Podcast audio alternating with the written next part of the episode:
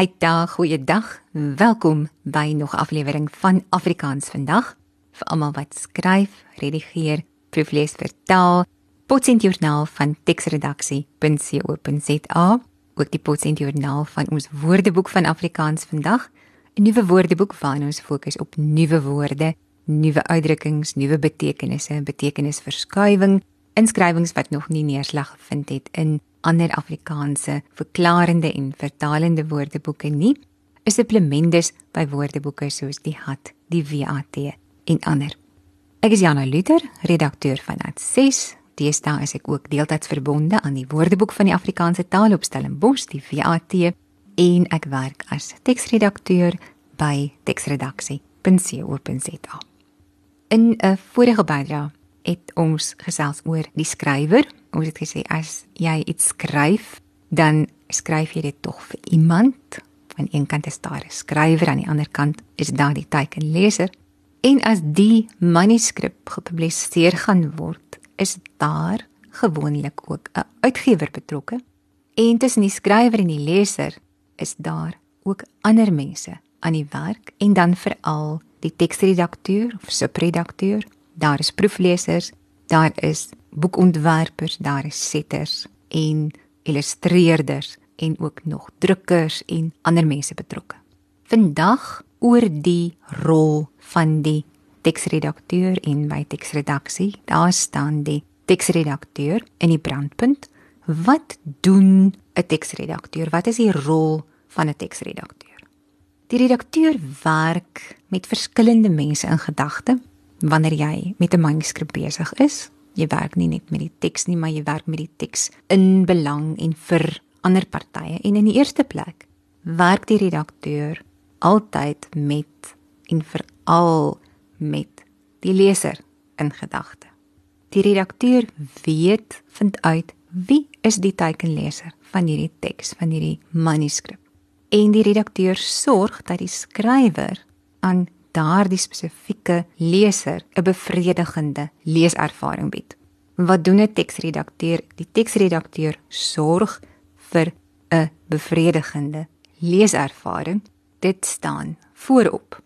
Die redakteur sit die bril op van die skrywer, sorg dat die skrywer nie in die verleentheid kom nie, dat die skrywer nie in die verleentheid gestel word deur skryf en feitefoute nie sorg vir 'n bevredigende leeservaring deur te sorg dat daar nie skryf en feitefoute is wat vir die leser sterend is nie en dat die leser die skuld vir sulke foute dan op die skrywer plaas nie. Die teksredakteur werk onsigbaar tussen die skrywer en die leser om te sorg vir 'n bevredigende leeservaring en vir die leeservaring om bevredigend te wees, is dit belangrik dat die teks ook op die beste aantreklikste manier vir die leser aangebied word daar waar die leser is. Waar wil die leser lees? Is dit 'n leser wat 'n papierboek bo 'n e-boek gaan verkies? Is dit iemand wat liefs op 'n slimfoon wil lees? Die redakteur help ook die boekontwerper en of die setter of die ontwerper van 'n webblad of 'n toepassing, die illustreerders, ander kunstenaars. Deesdae is daar ook nog ander mense betrokke, byvoorbeeld by opvoedkundige uitgewers waar handboeke nie meer net as papierboeke verskyn nie, maar veral ook as e-boeke in digitale formate waar daar makers en verskaffers is van interaktiewe aktiwiteite byvoorbeeld van klankopnames soos hierdie potsending video's en dit is ook die werk van die redakteur om by die teks, by die geredigeerde teks, riglyne te voeg vir al hierdie mense om seker te maak dat die teks, die persklaar manuskrip, die geredigeerde teks op die beste moontlike aantreklikste manier aangebied word of dit nou gedruk gaan word in boekvorm gaan verskyn as 'n e-boek op 'n rekenaar, tablet of selfoonskerm vertoon gaan word. Hoe help die redakteur die leser? Op verskillende maniere deur seker te maak in die eerste plek dat die teks in ooreenstemming is en in ooreenstemming bly met die konvensies van die genre wat gekies is. Is dit 'n handboek? Is dit 'n koerantteks? Is dit tydskrifkopie? Is dit advertensie? Is dit 'n fiksieteks? die redakteur moet seker maak dat die struktuur van hierdie teks in ooreenstemming is met die beste struktuur vir die genre wat gekies is. En in die tweede plek dat die beredenering dat die argument samehang vertoon dat dit koherent is. In die geval van fiksie is die verhaallyn duidelik, is die verloop van die verhaal duidelik, is daar samehang in die teks, is die inhoud volledig, word genoeg inligting gegee, nie te veel nie, nie te min nie, maar genoeg. As dit 'n storie is, vorder die storie, vorder die verhaal bevredigend, nie te vinnig nie, nie te stadig nie. Hoe lyk die karakters? Word hulle doeltreffend voorgestel? Is die karakterontwikkeling bevredigend? Die stem en perspektief van die verteller is dit sterk, duidelik? Is die einddoel bevredigend? Is die slot van die teks bevredigend? Word alles mooi tot 'n einde gebring? En is daar genoeg vleis aan die been? Is daar genoeg spanning, genoeg aksie, genoeg sensualiteit in ooreenstemming met die konvensies van die betrokke genre? Is daar moeilike terme? Is daar onnodig moeilike terme wat die leser onnodig kan laat struikel? Is daar afkortings, te veel afkortings wat die leser kan laat struikel? Word vreemde woorde, moeilike terme, afkortings voldoende verduidelik? Is dit nodig om woorde wat die leser dalk nie gaan verstaan nie te verduidelik? of kan die betekenisse van die meeste terme, vreemde woorde uit die konteks afgelei word. Is daar illustrasies in die tekstabelle? Is illustrasiestabelle relevant of sommer net bygevoeg? Nie bloot versierings nie, maar illustrasiestabelle wat waarde toevoeg tot die inhoud. Word daar onnodig herhaal, dan is dit die werk van die redakteur om seker te maak dat onnodige herhalings uit die weg geruim word. Is daar dubbelsinnighede, dan moet hierdie dubbelsinnighede uitgeskakel word. Woordkeuses. Is woordkeuses akkuraat of is daar woorde wat onpresies, onnoukeurig, ondoeltreffend gebruik word? Verkeerde woordkeuses, dan moet hierdie woorde, hierdie onpresiese, onnoukeurige woorde met akkurater keuses vervang word.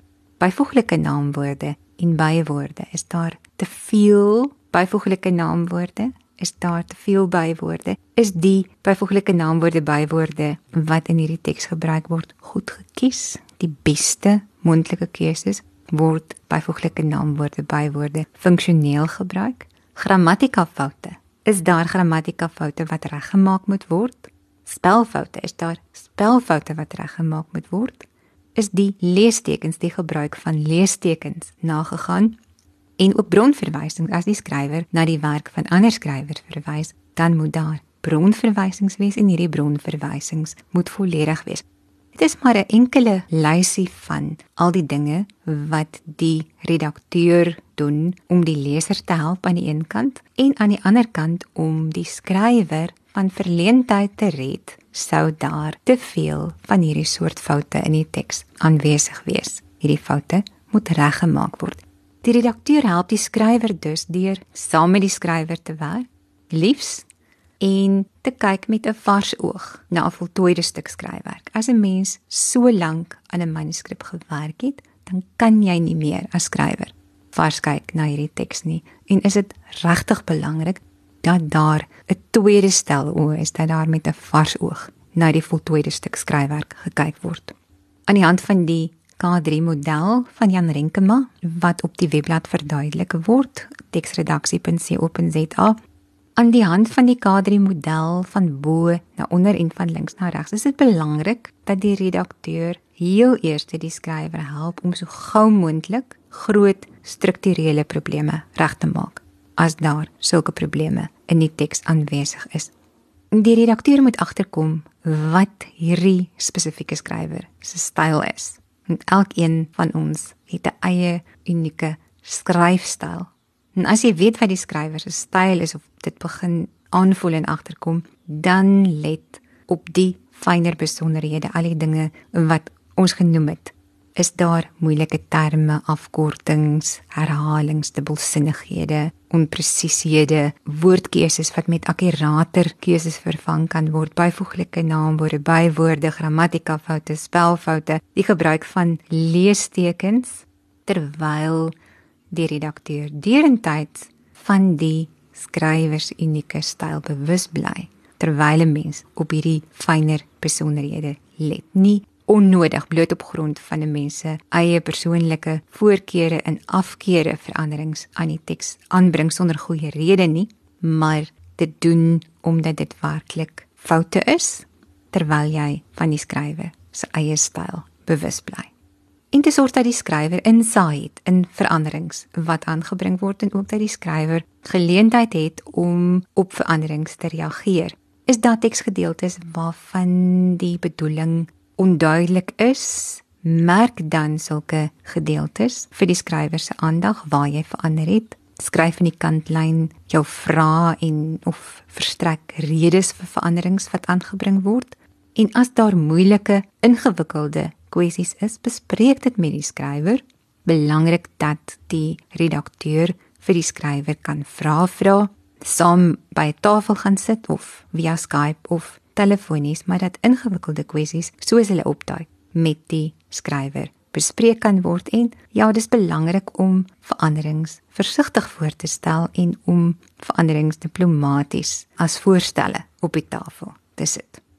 En wanneer die skrywer tevrede is en wanneer die teks persklaar is, sorg die redakteur ook dat die boekontwerper, setter, uitlegkunstenaar, bladopmaker, webmeesters met die eerste oogopslag kan sien hoe 'n teks of 'n teksgedeelte op die bladsy of skerm aangebied moet word. Dit moenie nodig wees dat die persoon wie se werk dit is om die teks op die blad of op die skerm te plaas, die hele manuskrip self hoef te lees nie die ontwerpers moet vinnig akkuraat kan werk met 'n oogopslag kan sien wat gedoen moet word sonder dat hulle die teks hoef te lees. En dit is veral belangrik om in gedagte te hou dat in baie gevalle vandag waar ons met Afrikaans werk ontwerpers dikwels die taal nie magtig is nie by opvoedkundige uitgewers en um, veral waar daar in elektroniese formaat gewerk word waar daar aktiwiteite en en video's en ander multimedia materiaal bygevoeg word word dit selfs in Indië gedoen. En dit is baie belangrik dat daar verset en uitleg instruksies gegee word in so min as moontlik woorde en dat 'n mens probeer om liefs met simbole te werk, ondubbelsinnige simbole waarop daar vooraf met die setters, met die uitlegkunstenaars, met die ontwerpers ooreengekom is. Opskrifte en nommering is belangrik dat die hele tyd tydens die proses van redigering die hiërargiese vlakke van 'n manuskrip aandag kry, die hoofstuktitels, nommers, hoofopskrifte, subopskrifte moet gemerk word, die verskillende vlakke moet op verskillende maniere gemerk of aangedui word in die geredigeerde manuskrip. Duidelik gemerk word om te verseker dat die ontwerper aan elke vlak die regte lettertipe gaan toeken, die regte font gaan gebruik, ook die regte fontgrootte, die gewig gaan toeken aan die verskillende opskrifte in die geval van 'n twee kleur of vier kleur boek, dat die regte kleure gebruik word en ook in die geval waar dit nie nodig is om instruksies aan die ontwerper te gee nie, maar waar daar deur die ontwerper vooraf 'n reeds bestaande sjabloon of vooraf opgestelde stylblad verskaf word, dat die redakteur daardie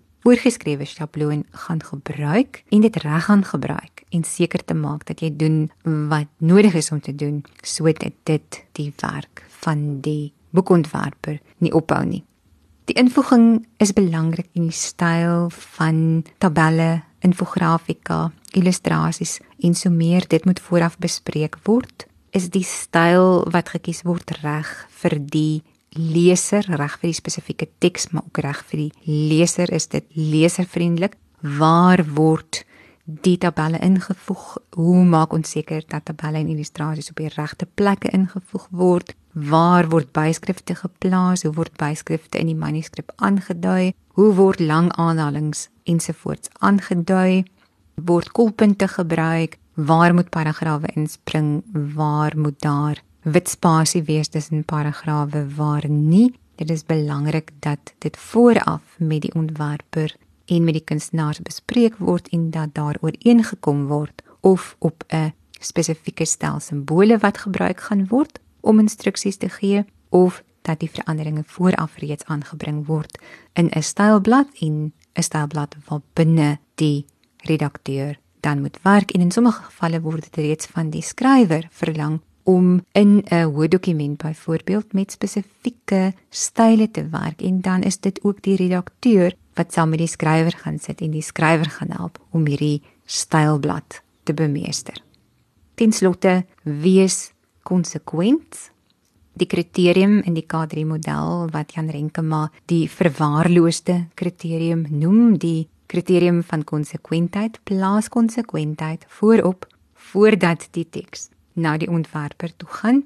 Let van die begin af op verskillende moontlike korrekte terme wat in die manuskrip gebruik word, verskillende moontlike korrekte spellings. Dit is moontlik om 'n woord op twee verskillende maniere te spel, drie verskillende maniere te spel. Al drie is korrek. Verskillende moontlike korrekte skryfwyse, los of vas, al twee reg. Woorde wat geskryf kan word met 'n koppelteken of daarsonder met 'n leesbaarheidskoppelteken dalk of nie met 'n hoofletter of met 'n klein letter kies vir elke teks uit elke stel moontlike korrekte moontlikhede liefs net een van die twee of drie opsies As 'n leser in die eerste paragraaf revolusie met 'n V sien in die tweede paragraaf revolusie met 'n W, albei is korrek. Nou kronologie met 'n CH geskryf, dan weer kronologie met 'n K geskryf albei is reg. Eers streskardiomiopatie en later vir dieselfde toestand gebroke hartsindroom, inskielik Takotsubo kardiomiopatie, drie verskillende terme vir dieselfde toestand.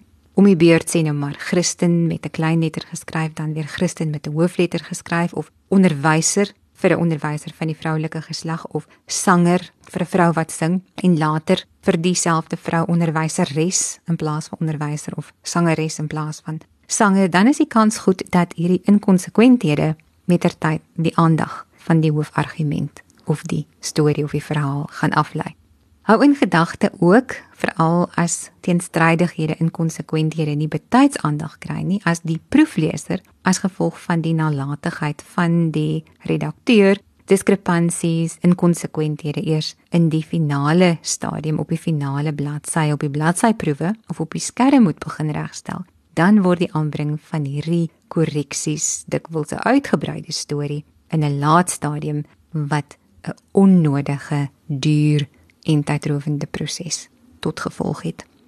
En vir konsekwentheid is die byhou van 'n styllys noodsaaklik, 'n styllys verkieslik reg van die begin af wat by die skrywer begin, definitief by die redakteur en wat die proefleser se werk makliker maak. In die geval van kreatiewe skryfwerk, 'n stylblad, 'n styllys vir elke manuskrip afsonderlik. Dit is nie moontlik om vir elke fiksie teks dieselfde styllys te gebruik nie en dit is beslis nie aan te beveel nie. Koerante en tydskrifte gewoonlik het 'n huisstyl, 'n stel huisreëls wat gevolg word, soos die reëls, die riglyne wat saamgevat is in Daleen Müller se boek Skryf Afrikaans van A tot Z wat dikwels afgekort word tot ZAS en wat algemeen gebruik word by publikasies van Media 24 as handleiding vir Afrikaanse taalversorging. My let op dat taalgebruikshandleidings soos SARS ook die harttaalgids, daar's ook ouer bronne soos die korrekte woord, die juiste woord, Afrikaans op sy beste, die Afrikaanse woord van Louis Eksteen, kennisgids tot moderne Afrikaans, ander sulke bronne dat hierdie bronne nie met die Afrikaanse woordelys en spelreëls die AWS verwar moet word nie. En dan altyd die nuutste uitgawe van die AWS, dan is dit die 11de uitgawe van 2017. Vir die standaardvariëteit van Afrikaans is die AWS die normeringsbron wat leiding gee oor hoe ons spel en skryf. Aanvullend tot die AWS word Afrikaanse woordeboeke gebruik, die HAT, die Groot Faroes Afrikaans, Engels, Engels, Afrikaans woordeboek, die WAT, beide verklarende en vertalende woordeboeke, altyd die nuutste uitgawes. En taalgebruiksgidse gee dan verder leiding. Taalgebruiksgidse sorg vir konsekwentheid waar daar by 'n koerant byvoorbeeld elke dag vinnig met dieselfde soort teks gewerk word, maar ons moet versigtig wees om nie aanskrywers die huisreëls van 'n spesifieke publikasie op te dwing waar die AWS 'n ruimer keuse toelaat nie. Dit in 'n nette dop die werk van die teksredakteur. Jy het geluister na nog 'n aflewering van Afrikaans vandag. Potentieel van teksredaksie.co.za. Ek is Jana Liter. Tot 'n volgende keer.